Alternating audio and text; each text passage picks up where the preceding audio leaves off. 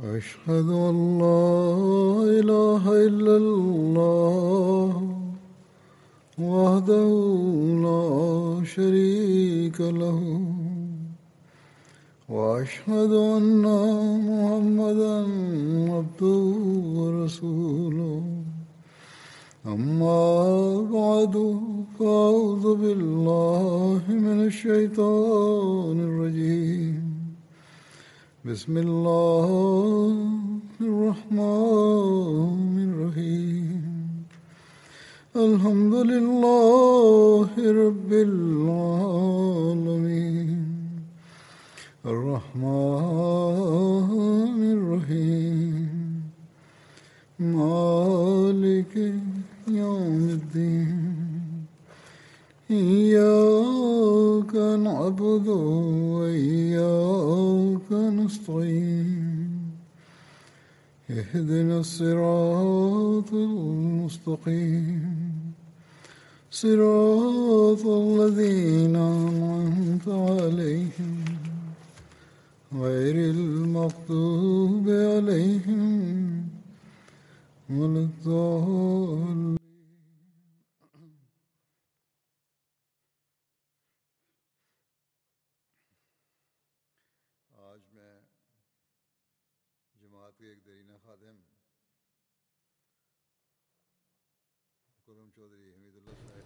أود اليوم ذكر محاسن خادم قديم للجماعة وهو شودري حميد الله الذي توفي قبل أيام.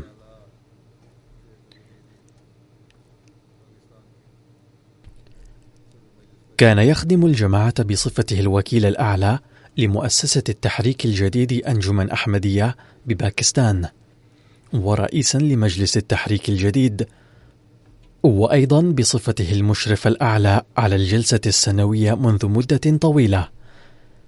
لقد توفي إلى رحمة الله في السابع من فبراير في معهد طاهر للقلب عن عمر يناهز سبعا وثمانين عاما. إنا لله وإنا إليه راجعون.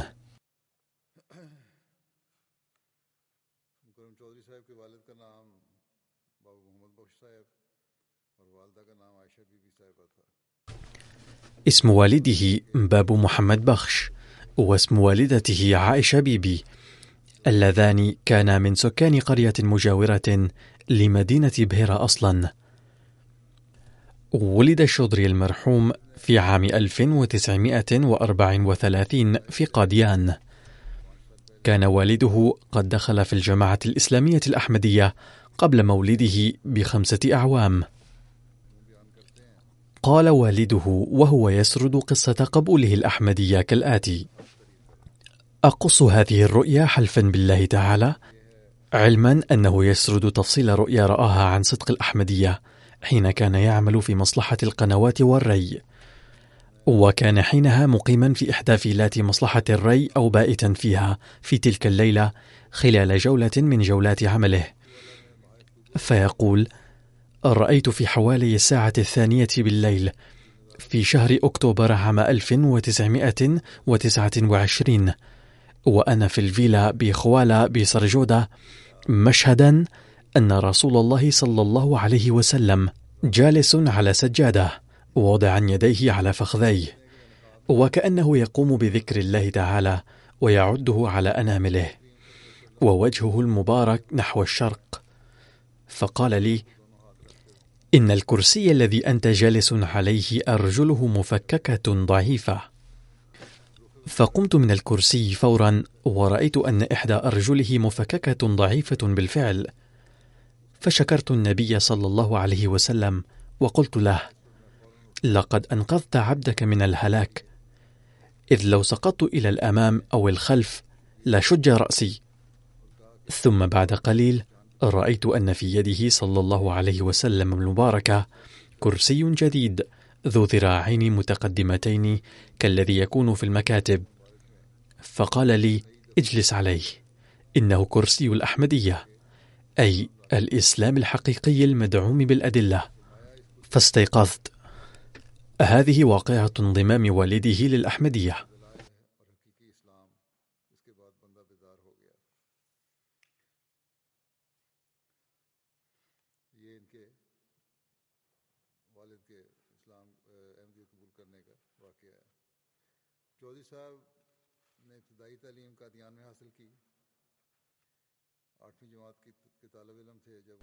نال شودري المرحوم تعليمه الابتدائي في قاديان وعندما كان في الصف الثامن في عام 1946 دعا حضرة المصلح الموعود رضي الله عنه أبناء الجماعة إلى نذر حياتهم لخدمة الدين. فأخذته أمه إلى المصلح الموعود رضي الله عنه ملبية دعوته للوقف. وقالت له هذا ابني وإني أنذره لخدمة الدين. فآتاها حضرة المصلح الموعود بعض التعليمات ومنها أن تواصل تعليمه في المدرسة. وفي عام 1949 فاز المرحوم في امتحان الثانوية. ثم بأمر من وكالة الديوان جاء المرحوم إلى ربوة ليخوض الاختبار للوقف.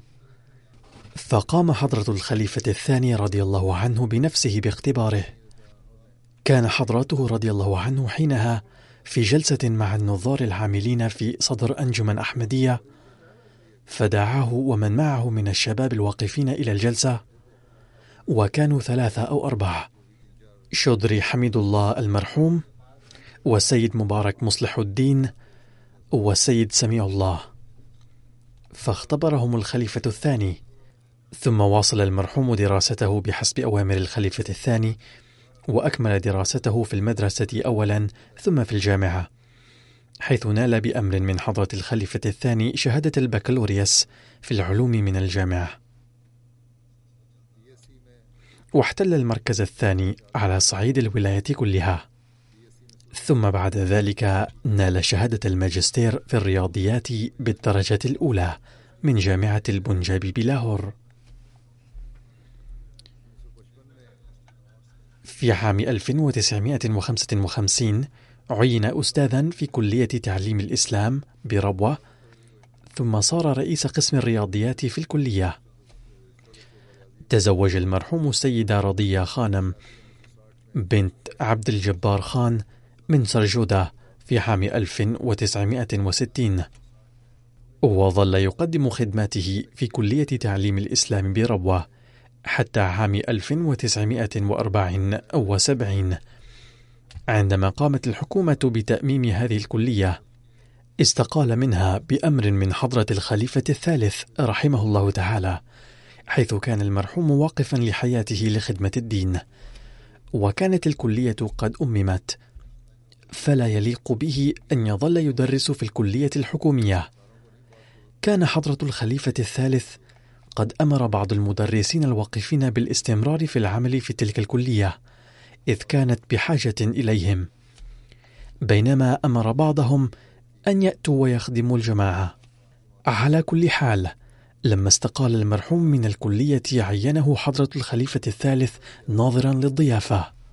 وفي عام 1982 عينه حضرة الخليفة الرابع رحمه الله تعالى الوكيل الأعلى لمؤسسة التحريك الجديد. ثم بعد فترة قصيرة خدم بصفته الرئيس الإضافي لمجلس التحريك الجديد لبعض الوقت.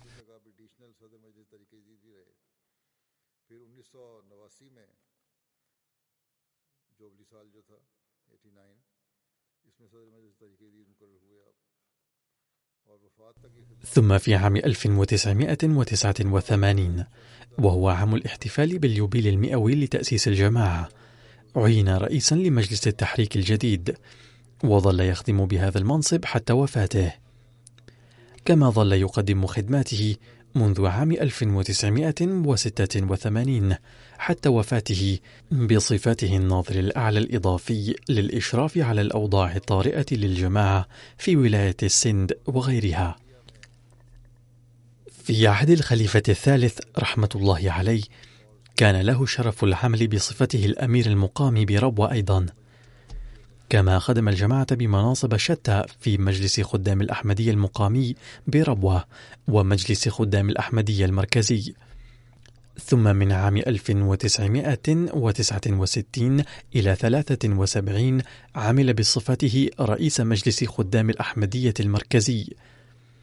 علما أنه في ذلك الوقت كان هناك مجلس واحد للخدام عالميا وكان يدار من المركز ولم يكن هناك رئيس وطني لخدام الأحمدية في كل بلد حينذاك. في عام 1969 عندما عين حضرة الخليفة الثالث المرحوم رئيسا لمجلس خدام الأحمدي المركزي قال بتلك المناسبة أمورا هامة جدا. ومع أن المقتبس الذي اخترته من خطاب حضرة الخليفة الثالث طويل ولكنه هام جدا لأنه يتضمن تعليمات وإرشادات هامة وضرورية للغاية لا بد لأولاد حضرة المسيح الموعود عليه السلام الماديين وكذلك لأولاده الروحانيين وأيضا لمن يقومون بأعمال الجماعة أن يضعوها في الحسبان ويسعوا للعمل بها دائما وأن يفحصوا أنفسهم ليروا ما إذا كانوا يؤدون واجباتهم حق الأداء أم لا. لقد قال حضرة الخليفة الثالث رحمه الله يجب أن ندعو للشاب الذي صار رئيسا الآن. كما علينا أن ندعو للشاب المخلص الذي أكمل خدمته بهذا المنصب بأن يتقبل الله سعيه. وأن يوفق الرئيس الجديد لأن يسعى للعمل أكثر مما عمله الأولون. إننا لا نستطيع التوقف في مكان. لذا فكل من يوكل إليه مسؤولية جديدة يجب أن يسعى لأن يسبق فيها من قبله لأن جماعتنا في انتشار وازدهار مستمرين بفضل الله تعالى وتزداد أعمالها وواجباتها أيضا. المهم أريد أن أخبركم أن الذي تولى رئاسة مجلس خدام الأحمدية هو ليس فردا من عائلة المسيح الموعود عليه الصلاة والسلام من حيث القرابة المادية. أما رئيس المجلس قبله أي ميرزا طاهر أحمد الذي صار الخليفة الرابع فيما بعد فكان تربطه بالمسيح الموعود أواصر القرابة المادية. ولكن اعلموا أنه من حيث القرابة الروحانية فإن كل فرد من الجماعة يصلح لأن يصبح من أولاده عليه السلام الروحانيين بقدر همته وسعيه ودعائه وتواضعه لله تعالى. ويجب أن يصبح ابنا صادقا له عليه السلام. وكثيرون من أبناء الجماعة يسبقون بعض أولاده عليه السلام الماديين رغم كونهم فقط أولادا روحانيين له. إن القرابة المادية آصرة دنيوية فقط وليست من الدين أو الروحانية في شيء. إن علاقة المسيح الموعود عليه السلام بأولاده إنما هي العلاقة الروحانية، فيجب على الذين لهم علاقة مادية مع المسيح الموعود عليه السلام، أي هم أقاربه أو لهم به قرابة مادية، أن يضعوا في الحسبان دائما أن العلاقة الحقيقية بينه عليه السلام وبينهم إنما هي العلاقة الروحانية. ومن أجل ذلك قيل الأنبياء لا يرثون ولا يورثون الإرث عادة يكون نتيجة القرابة المادية ولكن هذا الإرث قد تم نفيه هنا أما الفيوض والبركات الروحانية فهي الحقيقة والحق والحكمة. أي هو المعنى الحقيقي للإرث.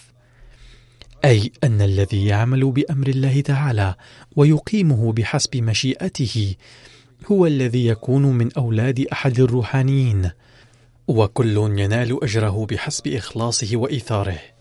فالواقع أن هؤلاء الأولاد الروحانيين هم أولاد الشخص الروحاني إذ لا يكون له أولاد ماديون. إن أولاد المسيح الموعود عليه السلام الروحانيين إنما هم أولاده في الحقيقة. ومن أجل ذلك قال بشأن أولاده الماديين بأن الله تعالى قد استجاب دعائي وجعلهم روحانيين. لو كان في مجرد كونهم أولادا ماديين فضلا ما كان لحضرته عليه السلام حاجة للقيام بهذا الدعاء لهم ولا لاستجابته. فالأهم أن تكون القرابة الروحانية قوية وإن لم تكن ثمة قرابة مادية. لذا فمخطئون الذين يظنون أن مجرد كون أحد من الأولاد الماديين فضيلة. لقد كان في الإسلام قوم عادوا أولاد الرسول صلى الله عليه وسلم فقط لكونهم أولاده صلى الله عليه وسلم. ولكن من الخطأ أيضا الظن أن مجرد كونهم من أولاده صلى الله عليه وسلم مدعاة للفضل وللعز. فمن فضلهم لمجرد كونهم من أقارب النبي صلى الله عليه وسلم فهو جاهل تماما. لقد جمع حضرته هنا الأمرين كليهما. أي أن الذين يعادونهم لمجرد كونهم أولادا ماديين له صلى الله عليه وسلم فهم مخطئون. أما الذين يفضلونهم ويعزونهم لمجرد كونهم من أقاربه صلى الله عليه وسلم فهم أيضا مخطئون. ثم قال فصاحب هذا التفكير لا علاقة له بالروحانية ولا بالعقل. فالعلاقة الحقيقية هي العلاقة الروحانية. وإن ترسخت هذه العلاقة في الذرية المادية وتولد فيهم الإيثار والتضحية وإلغاء الذات فسيجزيهم الله تعالى أيضا وينعم عليهم بقربه ورضاه. أي إن نشأت هذه العلاقة في السلالة المادية وترسخت فيهم ونالوا فيض النبي الروحاني فسيجزيهم الله تعالى ويهبهم قربه ورضاه. أما من قبل التأثير الروحاني مع عدم كونه من الذرية المادية بحيث جعل نفسه كالذرية الحقيقية فلا يصح القول عنه بأنه لا يمكن أن ينال مكانة عند الله تعالى لأنه ليس من السلالة المادية. بل هذه الفكرة باطلة. فمن أصبح ابنا روحانيا وأدى حق هذا الانتماء فسينال تلك المرتبة الروحانية ولو لم يكن من الذرية المادية. وسيجانب الصواب من قال عنه بأنه لن ينال تلك المرتبة والعزة. ثم يقول حضرته بأن الأصل هو الصراط المستقيم. فمن ينال العزة والإحترام عند الله تعالى فهو الذي يحقق الفوز والنجاح ويوفق للأعمال الدينية بحسب كفاءته. ويتقبل الله تعالى مساعيه سواء كانت له علاقة النسب مع المأمور من الله أم لا.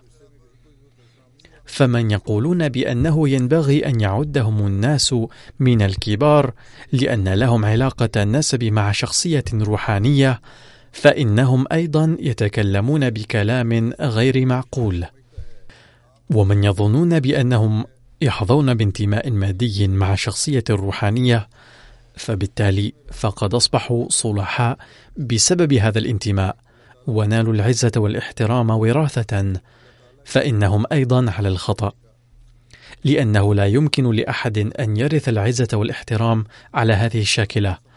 ومن يظن أنه يستحيل عليه أن يحرز أي صلاح أو مكانة روحانية لعدم علاقته المادية بالشخصية الروحانية فهو على الخطأ أيضا لأن العلاقة الروحانية عبارة عن الالتزام بالتقوى وتولد المحبة الذاتية مع الله والإقدام على الإيثار والتضحية لوجه الله واعتبار النفس ميتا وإلغاء الذات.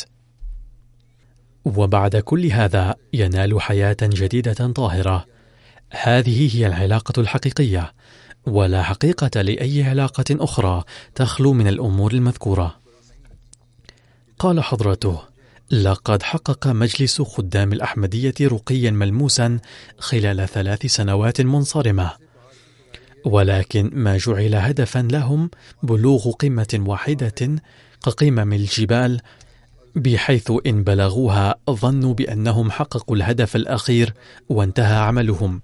كلا بل إنهم يصعدون جبلا لا تعلم قمته لأنه الجبل الذي تبدأ من فوقه أرض رب كريم. والمسافة بين الإنسان وبين الله تعالى غير محدودة. لذا علينا أن نسعى جاهدين وفي ذلك تكمن حياتنا ألا نتعب فنجلس أو نتوقف فنظن بأننا حققنا ما كان هدفنا. كلا بل قدرت لنا المراقي والمعالي غير المحددة. وإن سعينا جاهدين وبعد ذلك إن رأى الله تعالى في قلوبنا الإخلاص والإيثار والمحبة الذاتية له فسينعم علينا بأفضاله ونتيجة لمثل هذه الأفضال يحظى الإنسان بنيل محبة الله أكثر فأكثر ويبتعد أكثر عن نفسه وينفصل عن ذاته. كلما فكر واقف للحياة أو عامل أو فرد من عائلة المسيح الموعود عليه السلام في هذه الكلمات الرائعة التي أسدى بها حضرته نصيحة للسيد شودري فعليه أن يدعو لرفع درجات السيد شودري أيضا لأنه بسببه بلغت أسماعنا هذه الكلمات الخالدة وتسنت لنا الفرصة للتفكير فيها.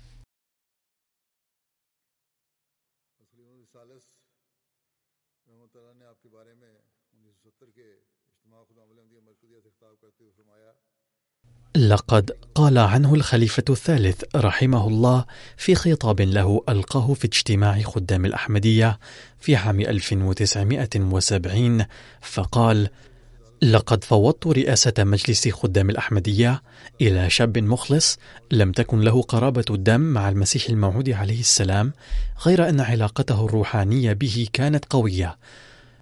فوفقه الله تعالى للعمل وبارك الله في مساعيه وتقبل دعواتنا له.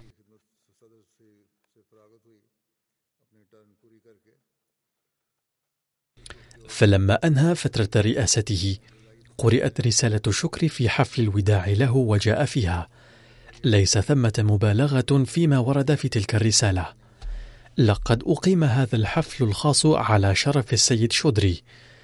إن فترة رئاسة السيد شودري حميد الله الممتدة إلى أربع سنوات عبارة عن إضافة باب رائع في تاريخ خدام الأحمدية. إذ حقق مجلس خدام الأحمدية رقيا ملموسا في جميع شعبه كيفا وكما على ضوء تعليمات خاصة من حضرة أمير المؤمنين أيده الله بنصره العزيز أي الخليفة الثالث رحمه الله. لقد نمى شدري حميد الله بتواضع تام وبإلغاء الذات وبالجهد المستمر في الشباب صفات جذابة كروح الطاعة والوفاء والارتباط بالخلافة. وسيظل هذا العمل بإذن الله تعالى معلما من معالم حياته في المستقبل. وفي فترة رئاسته حققت كل شعبة من شعب مجلس خدام الأحمدية رقيا ملموسا وفق أمنية أمير المؤمنين الخليفة الثالث أيده الله. لقد نشرت في فترة رئاسته تعليمات ثمينة للمصلح الموعود رضي الله عنه في صورة كتاب تحت عنوان مشعل الطريق. كما تم نشر كتيب لأطفال الأحمدية بعنوان الأمور الجديرة بالتذكر دوما. لقد استحكم نظام مجلس الخدام الأحمدية بشكل عام والنظام المالي بشكل خاص.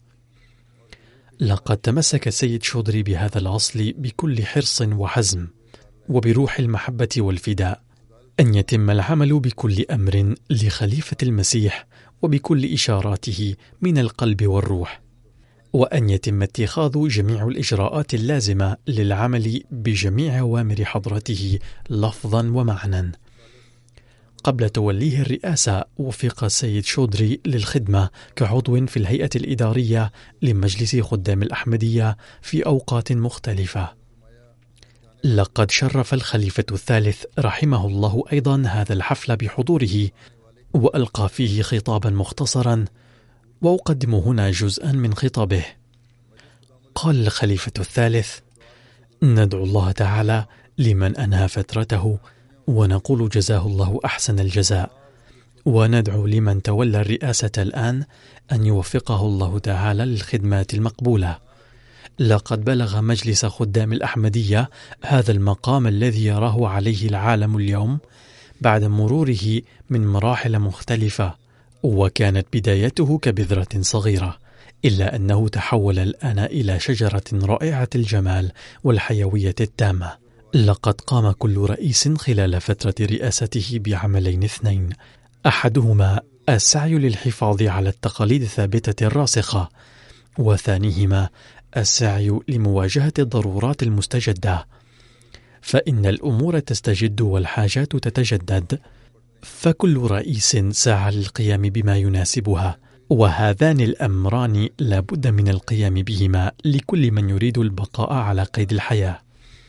ثم قال إن حياة مجلس خدام الأحمدية ممتدة إلى يوم القيامة لأن هذه المنظمة تتعلق بذلك المهدي للنبي الكريم صلى الله عليه وسلم الذي بشر عنه بأن جماعته ستتحمل جميع المسؤوليات إلى يوم القيامة.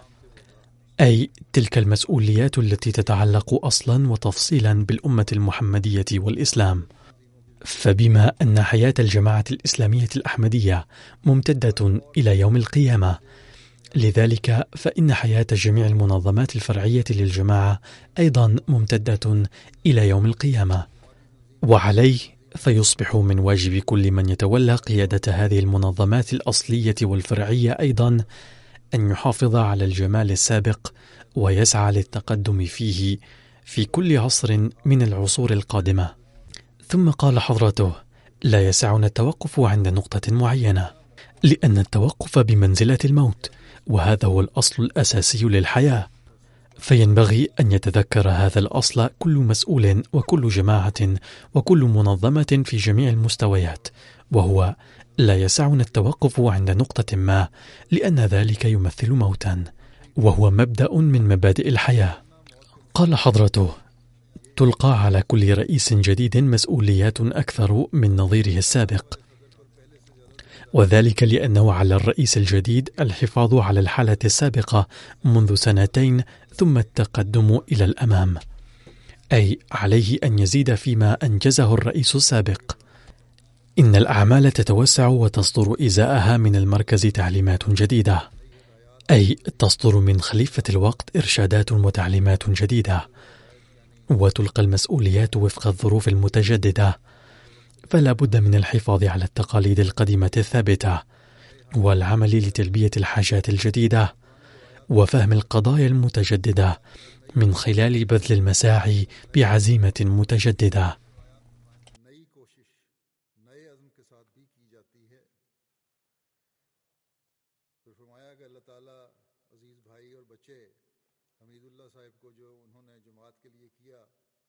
ثم قال حضرته جزى الله تعالى الأخ والابن العزيز حميد الله أحسن الجزاء على ما حقق للجماعة وأدى مسؤولياته. ووفقه لأداء جميع مسؤولياته الدينية أي مسؤوليات إدارة شعب أخرى التي ستلقى على عاتقيه بأحسن ما يرام إلى آخر حياته على النحو الذي قام بأدائها. لقد أدى السيد شودري خدمات هامة في خلية الطوارئ التي أقيمت بأمر من الخليفة الثالث رحمه الله في ظل الظروف الطارئة في عام 1974 لقد جاء السيد شودري إلى لندن بعد هجرة الخليفة الرابع رحمه الله إليها وأقام هنا أكثر من سنة ولعب دورا هاما في إقامة النظام المركزي وترسيخه. ووفق للخدمة كرئيس لمجلس أنصار الله من عام 1982 إلى 99 لم يكن يوم ذاك شرط أن الرئيس لا ينتخب لأكثر من مدة معينة. فقد شغل منصب رئيس أنصار الله سبعة عشر عاما تقريبا فأثناء رئاسته. تم إعداد المجلد الأول من كتاب سبيل الرشاد ونشره وهو يحتوي على توجيهات سيدنا الخليفة الثاني رضي الله عنه لأنصار الله. وتم التوسع في المضيف وأعمال البناء. كما خدم الجماعة كرئيس للجنة التخطيط لاحتفالات اليوبيل المئوي على مرور مئة سنة على تأسيس الجماعة في عام 1989 وقبله خدم بصفته سكرتيرا للجنة نفسها أيضا. كما عين في عام 2005 رئيسا للجنة المركزية لاحتفالات اليوبيل المئوي على مرور مئة سنة على الخلافة الأحمدية في عام 2008 وأنجز أعماله. ولما كانت أعمال هذه اللجنة دائمة لذا كان يقدم خدماته كرئيس إلى الآن. كان حائزا على شرف رئاسة اجتماع مجلس انتخاب الخليفة في إبريل عام 2003 بعد وفاة سيدنا الخليفة الرابع للمسيح الموعود عليه السلام. لقد قام بجولات إلى بلاد عدة أفريقية وأوروبية وغيرها بصفته الوكيل الأعلى. في عام 1973 عينه سيدنا الخليفة الثالث رحمه الله رئيس الجلسة السنوية إثر وفاة السيد سيد مير داود أحمد رحمه الله. فظل يخدم الجماعة بهذه الصفة منذ ذلك العام إلى وفاته. صحيح أن الجلسة لا تقام في باكستان بعد 1983 لكنه لم يتركها بل كان النظام جاريا وكان بحسب الأوضاع يحدث نظام الجلسة حتى تتمكن الجماعة من استقبال أكبر عدد ممكن من الضيوف في الجلسة. عند تحسن الأوضاع بتوفيق من الله.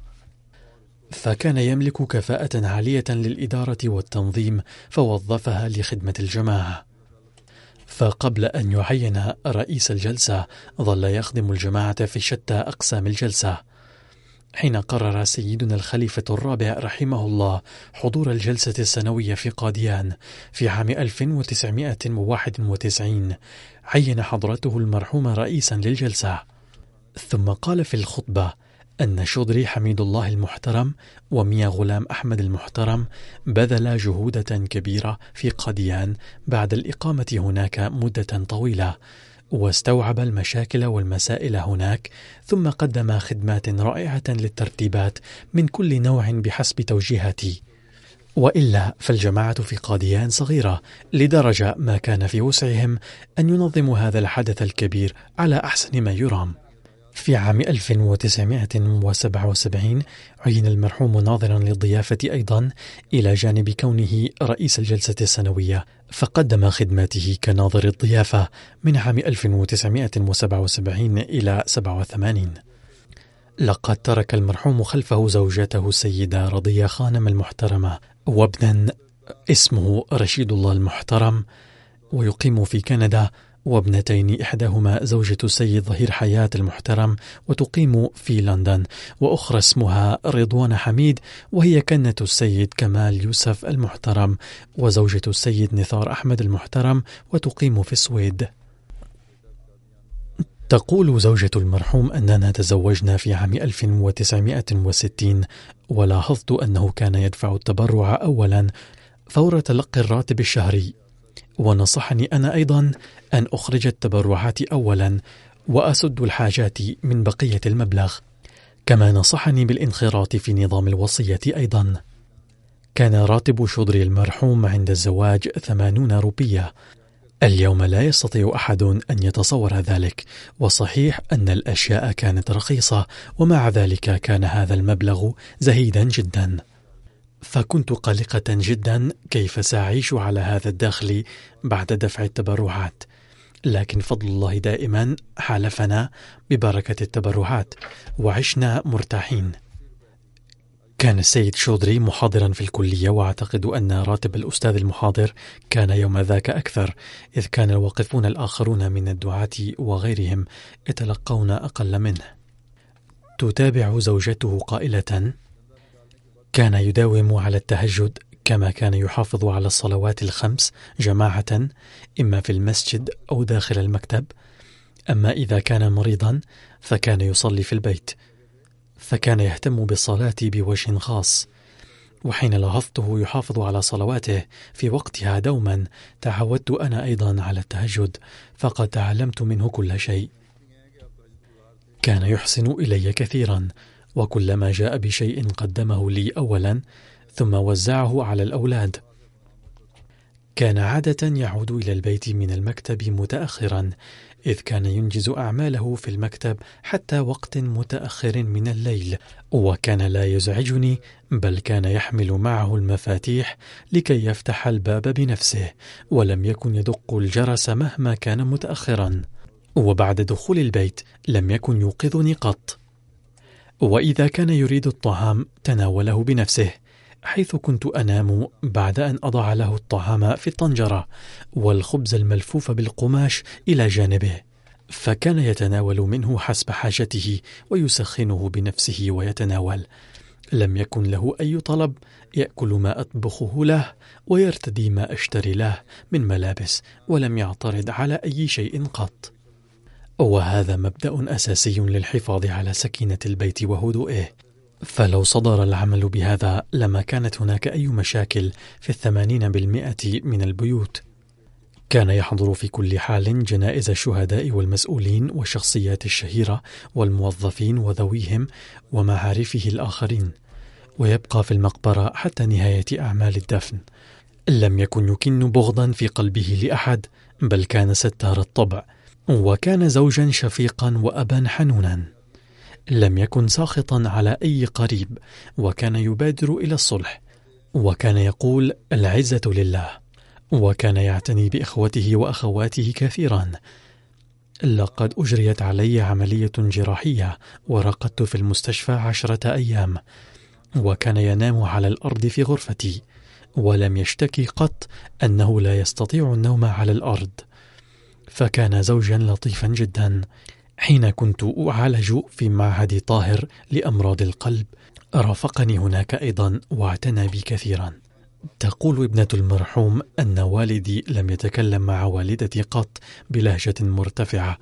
كان والدي صديقا لنا أيضا فكنا نشاركه في كل أمر. عندما كنت صغيرة رأيته يتهجد في غرفتي وأنا أتذكر الدعاء الذي كان يكرر. أيها القادر القوي اعصمنا من الآفات. كان يقص علينا القصص قبل النوم في الطفولة. عندما كان يزورني في السويد كان أولادي صغارا فكان والدي يقص عليهم أيضا القصص. فكان والدي كنز الأدعية لنا. فكانت عادته طول حياته أنه كان يخرج إلى المكتب صباحا بعد تناول الفطور ويعود إلى البيت بعد الظهر متأخرا.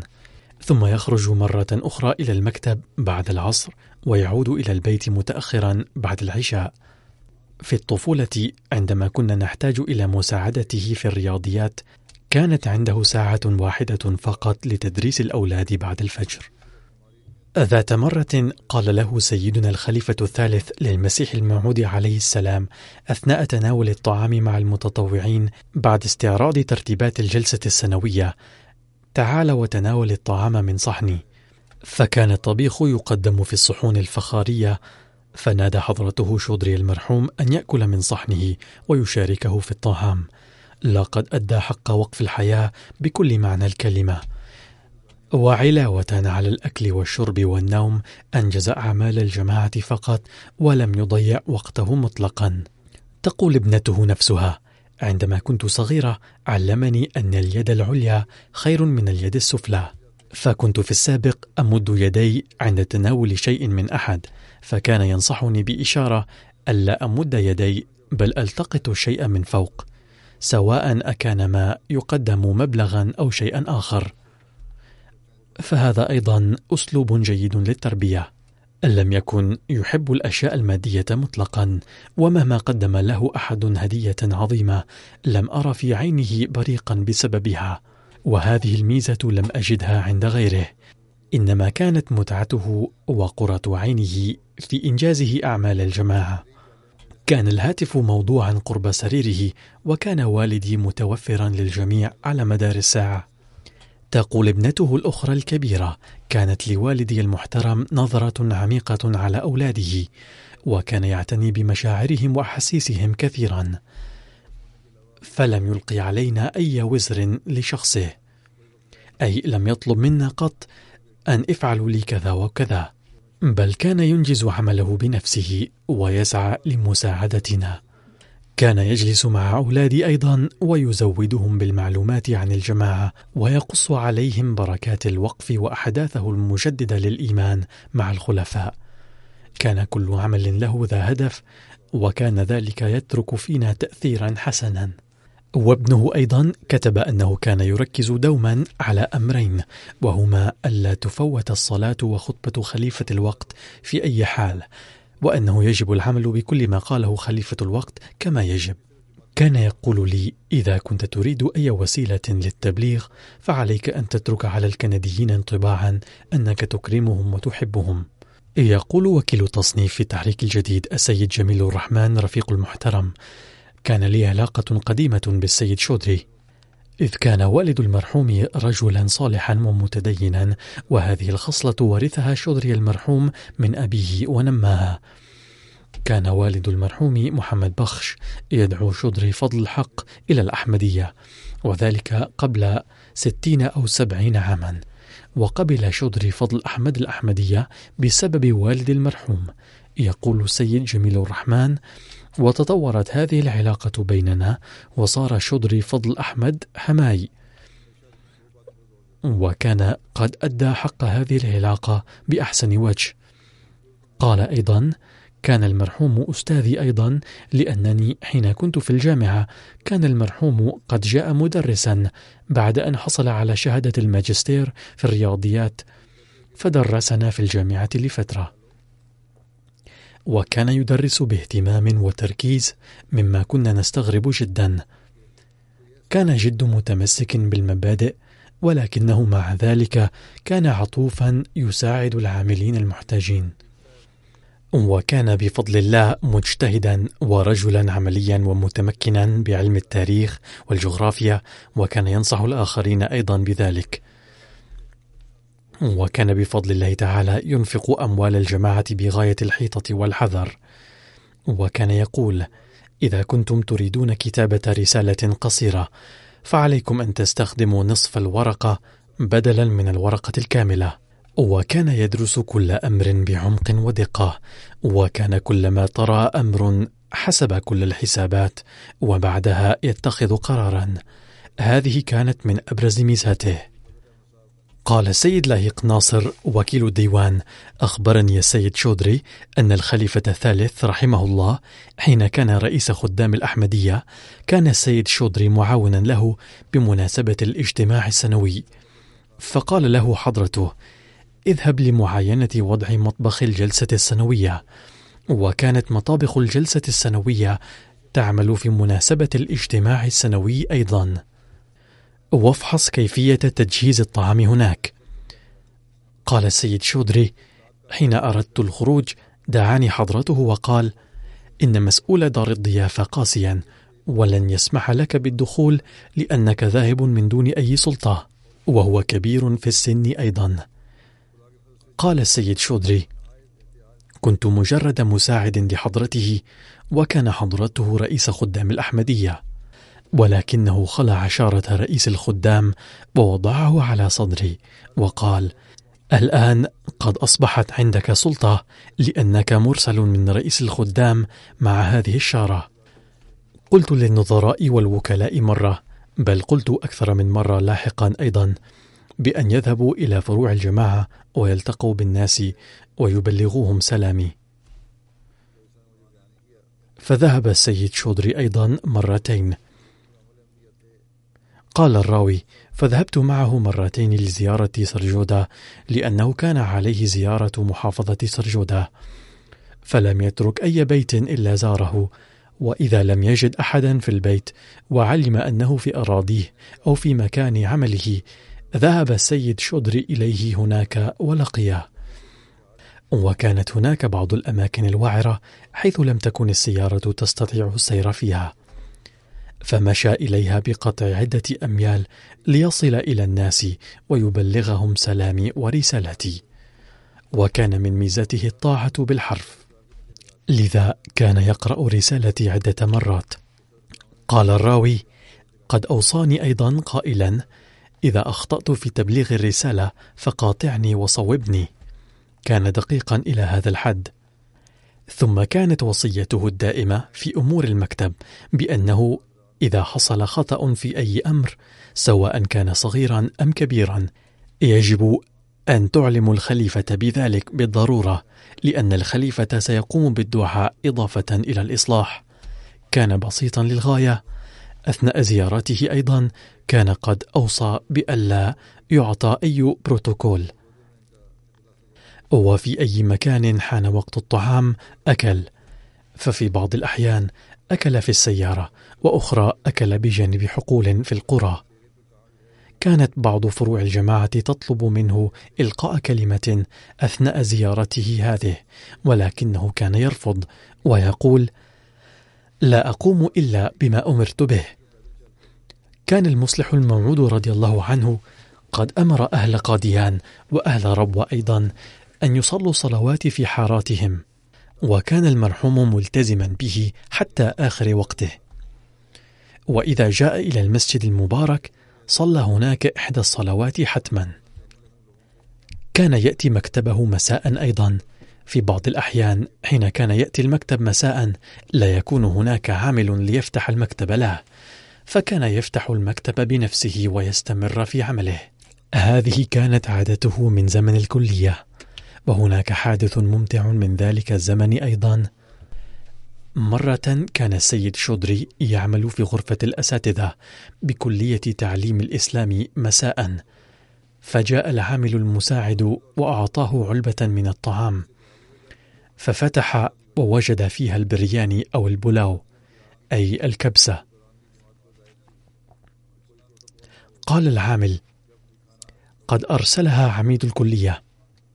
كان حضرة ميرزا ناصر أحمد الخليفة الثالث عميد الكلية حينها ولم يكن يعلم أن السيد شودري جالس هناك. أخبر الخليفة الرابع رحمه الله تعالى السيد شودري فيما بعد بأنني كنت أعلم أنك ستكون في الكلية في هذا الوقت.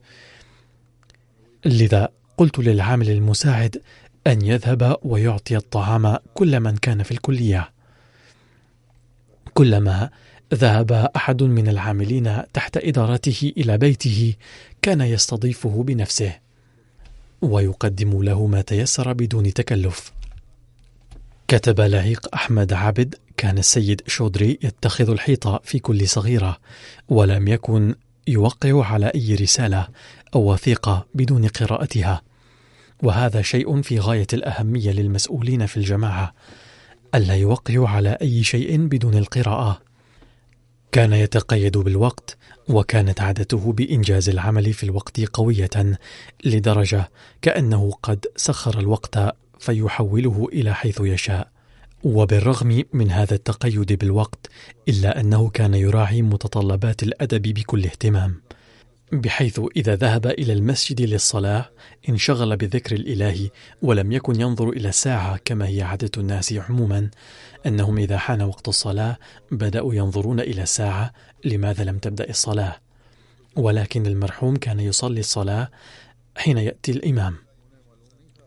وكان ينصح الدعاة الوافدين من البلاد الأخرى وكانت نصيحته عموما أن اقرأوا كتب المسيح الموعود عليه السلام واعملوا بالتعليم الواردة فيها.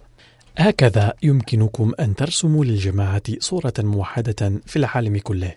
كتب السيد سميع الله سيال لقد تخرجنا في الثانوية معا وبعدها أتينا عند الخليفة الثاني لنقدم أنفسنا للوقف وقبل حضرته وقفنا لطفا منه. وكنت مع المرحوم إلى آخر وقته لمدة واحد وسبعين عاما تقريبا في مناصب متنوعة ورأيته إنسانا عظيما في صفاته. فكان رجلا مواسيا قوي العزيمة وخادما للدين كل حين ومحبا جدا للخلافة. وكان من ميزاته أنه يربي الواقفين الجدد بأحسن وجه وهذه كانت ميزته الكبيرة. لذلك أرسلت إليه بعض الواقفين الجدد ليربيهم. فرباهم بشكل جيد جدا. قال السيد حليم قريشي كانت سلطته على الأمور الإدارية والمالية قوية جدا ولم يكن يتحمل سوء الإدارة. وكان دقيق النظر في الأمور المالية. وكان يستطلع على الأسعار دوما. وإذا جاءته فاتورة وكانت فيها عشر روبيات زائدة حاسب على ذلك وقال سعر هذا الشيء في المحل الفلاني مئة روبية. فلماذا اشتريته بمئة وعشر روبيات؟ وقال أمير محمد قيصراني المهندس لمخابز الجلسة السنوية كان السيد شودري يعطي للمشورة أهمية كبيرة. وقبل أن يتخذ القرار في أي أمر كان يستشير مسؤول ذلك الأمر أو خبيره. وقبل بدء أي مشروع جديد كان يدرسه بالتفصيل ويستشير على نطاق واسع. حتى يصل إلى نتيجة ما. تكون في مكاتب الجماعة عطلة يوم الجمعة عموما فكان يشغل المخابز في ذلك اليوم. وكذلك كان كثيرا ما يأتي المكتب يوم العطلة في السبت الأخير من الشهر. وكان يعلم العاملين معه أيضا قائلا إننا تعلمنا من الخليفة الثالث رحمه الله. إذا كانت هناك مشكلة في الحياة الشخصية فعليكم أن تعطوا لأعمال الجماعة وقتا أكثر وبذلك سيزيل الله تعالى المشكلة بنفسه. كان يلقى الناس في الطريق باحترام وحب ويتحدث مع كل شخص في موضوع يحبه. قال المهندس أبدى المرحوم في اجتماع قبل وفاته سخطا علي وعلى بعض المهندسين الآخرين بسبب التأخير في مشروع تعميري. وفي اليوم نفسه اتصل بي بعد الدوام وقال مبتسما كعادته لعلي استخدمت كلمات قاسية اليوم فاتصلت بك لأعتذر منك. وسأل عن حالي أيضا.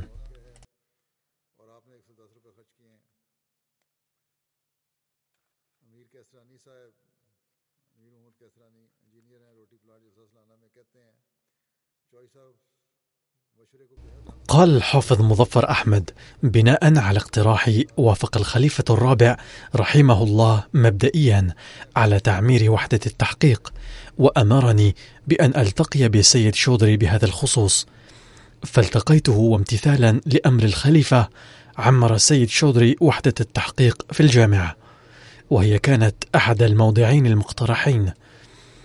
قال أثناء الاستشارة لأنكم ستقومون بأعمال الجماعة في المستقبل أيضا لذا يجب مراعاة المتطلبات القادمة للجماعة. وثانيا يجب الاهتمام بمبدأ القناعة والكفاية.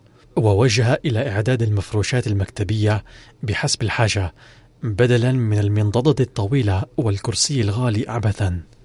كتب السيد عبد الماجد طاهر الوكيل الإضافي للتبشير في بريطانيا.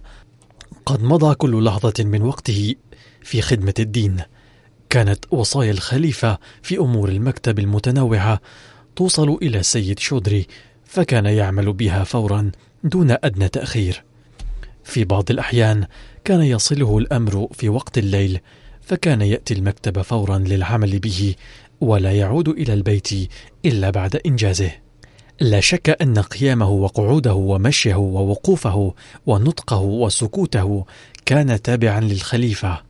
والذين يحسبون القواعد فوق الخليفة ويقولون إن قواعد الجماعة قد كتبت ويجب العمل بها في كل حال.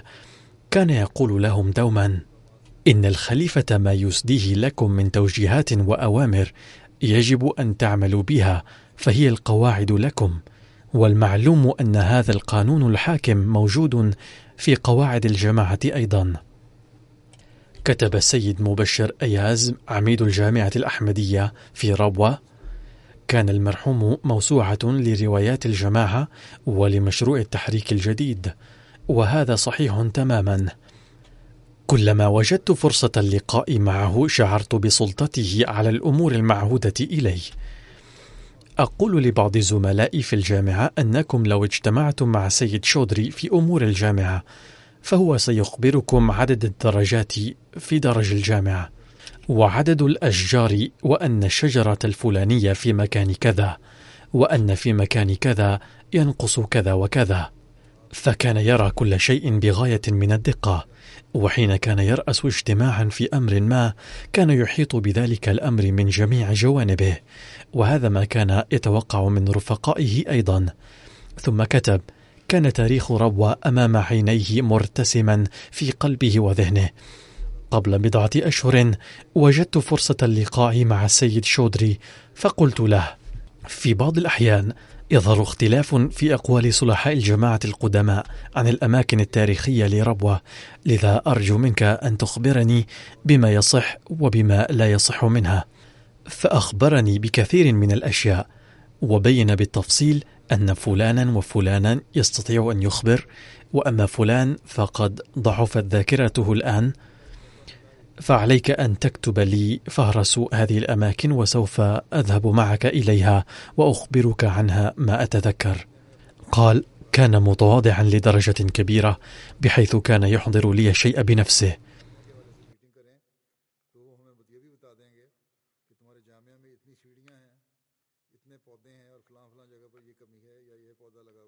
وهناك حادث آخر يدل على تواضعه.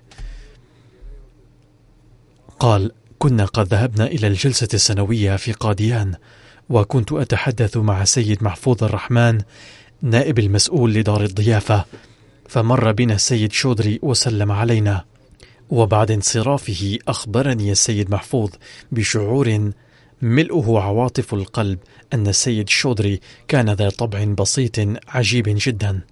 ثم قال السيد محفوظ كان قد جاءني قبل قليل وقال لي إذا كان هناك شيء للأكل فضعه من فضلك على طاولة الطعام بسرعة لأن علي حضور جلسة أخرى بعد حوالي ربع أو ثلث ساعة. وكان موعد تناول الطعام قد انتهى فقلت له حسنا هناك طعام في البراد سوف أسخنه وأحضر لكم. وفي أثناء ذلك يمكنكم أن تجهزوا نفسكم وتنتعشوا. فبدأت تسخين الطعام ولما جئت بالطعام الساخن كان الوقت قد تأخر وكان ملتزما بالمواعيد جدا وكان عليه أن يحضر الجلسة في موعدها. فارتأى أنه إذا انتظر الطعام وتناوله فسيتأخر عن الجلسة. فوجدته قد جمع كسرات الخبز المتبقية على طاولة الطعام وأكلها بما بقي هنالك من طبيخ من الدال العدس أو غيره وكان عندها قد انتهى من تناوله تقريبا ثم خرج إلى الجلسة في موعدها تماما. بدون أن يكون على وجهه أي آثار للانزعاج تجاهي بأنك قد تأخرت في إحضار الطعام. أو لماذا أحضرت الطعام متأخرا؟ كلا بل أكل كسرات الخبز المتبقية مع ما تبقى في الطبق من عدس أو غيره ثم خرج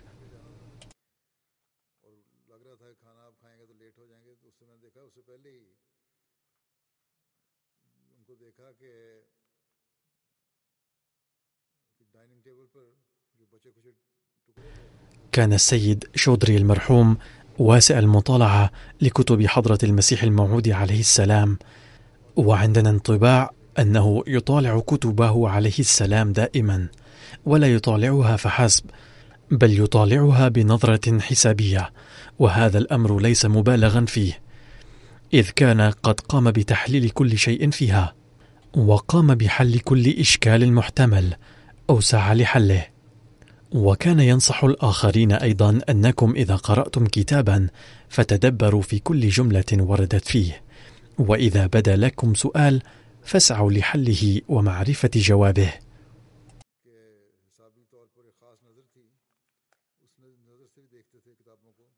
وقال السيد مبارك صديقي كان المرحوم قد جاء إلى لندن ذات مرة. وكنت سمحت له بعقد جلسة مع طلاب كلية تعليم الإسلام. يتابع السيد مبارك فذهبت إلى شودري المرحوم وقلت له إن حضرة الخليفة قد قال هكذا. فحضر المرحوم الجلسة فقلت له خلالها لقد وفقك الله لخدمات جليلة وشرفك بأنواع الشرف طويلا. فهلا أخبرتنا بسر هذا النجاح وأوصيتنا بشيء؟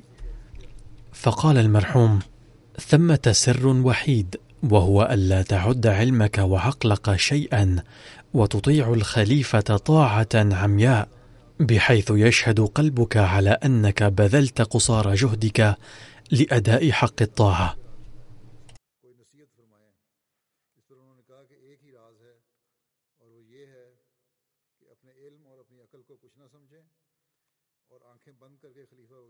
يقول السيد ميرزا جواد أحمد المحترم كان المرحوم يسرد رواية سيدنا الخليفة الثالث أن حضرته قد قص على المرحوم ذات يوم أنه قبل انقسام البلد كانت تقدم لجميع المتطوعين أثناء الخدمات التطوعية لمدة أسبوع في أيام الجلسة السنوية كأسة شاي واحدة كمرطب مرة واحدا فقط خلال الفترة كلها.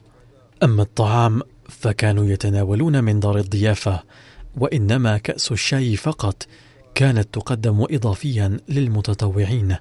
فجاء أحد الخدام إلى مقره حاملا كأس الشاي بكل سرور وسعادة. فزعم الضيف على سرير مجاور له أنه جاء بالشاي من أجله فسأل الخادم هل أحضرت الشاي لي؟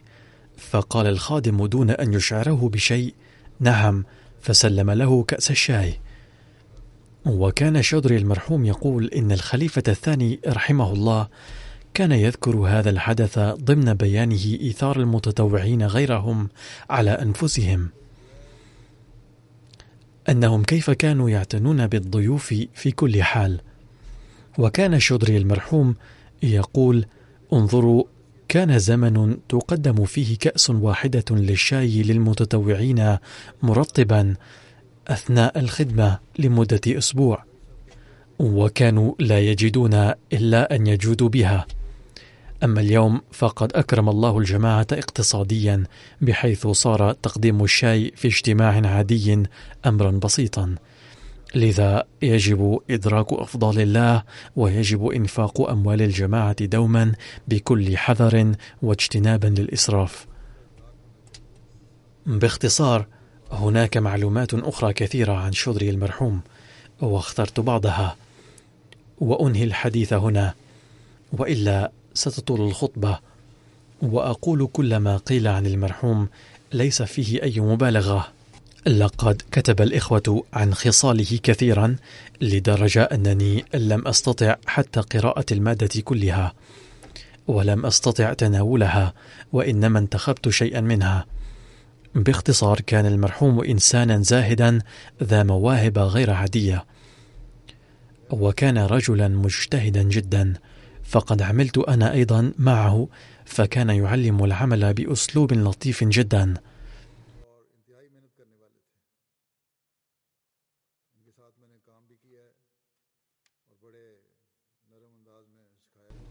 لما صرت الناظر الأعلى والأمير المقامي فقد تغير أسلوب تعامله معي إذ قضى كل تلك الفترة بكل طاعة. وبعد تولي الخلافة قد أدى جميع الحقوق بكل وفاء كونه أحمديا وعاملا ومبايعا. لقد استجاب لكل نداء الخليفة ولكل أمره بكل جدية. ولم يعمل بكل كلمة واردة فيه فحسب بل بكل حرف من حروفه. ولم يلجأ قط إلى تفسير الكلام بحيث يقول تأويله كذا وكذا.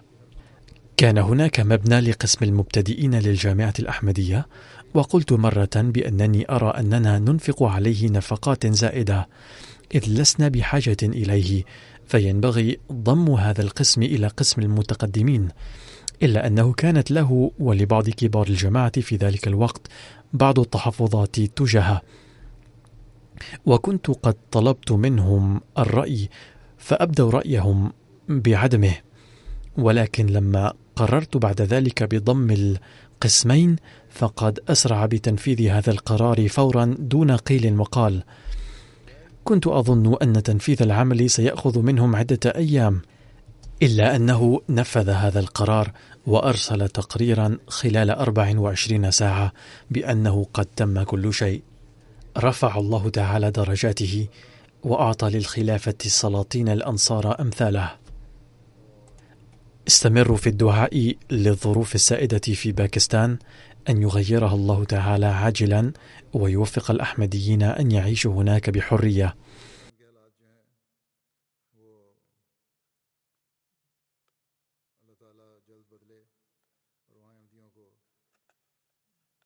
والأمر الثاني الهام الذي أريد قوله لكم هو أن وباء الكورونا متفش في هذه الأيام في العالم وإن الأحمديين أيضا لا يؤدون حق الاحتياط اللازم كما ينبغي سواء في بريطانيا أو في أمريكا أو في باكستان أو في بلد آخر. ينبغي الاحتياط الكامل وارتداء القناع وغيره.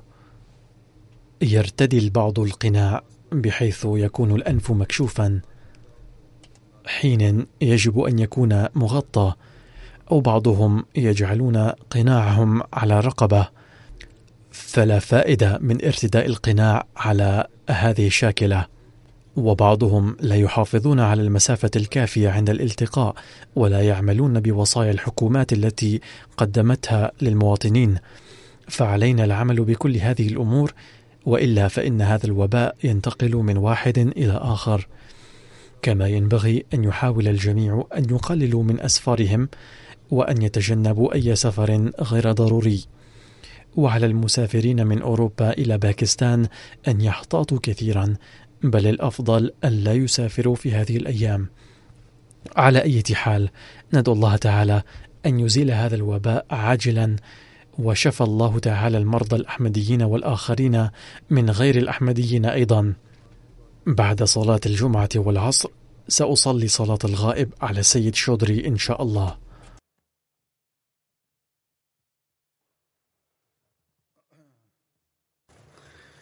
الحمد لله الحمد لله نحمده ونستعينه ونستغفره. ونؤمن به ونتوكل عليه. ونعوذ بالله من شرور أنفسنا ومن سيئات أعمالنا. من يهده الله فلا مضل له ومن يضلل فلا هادي له.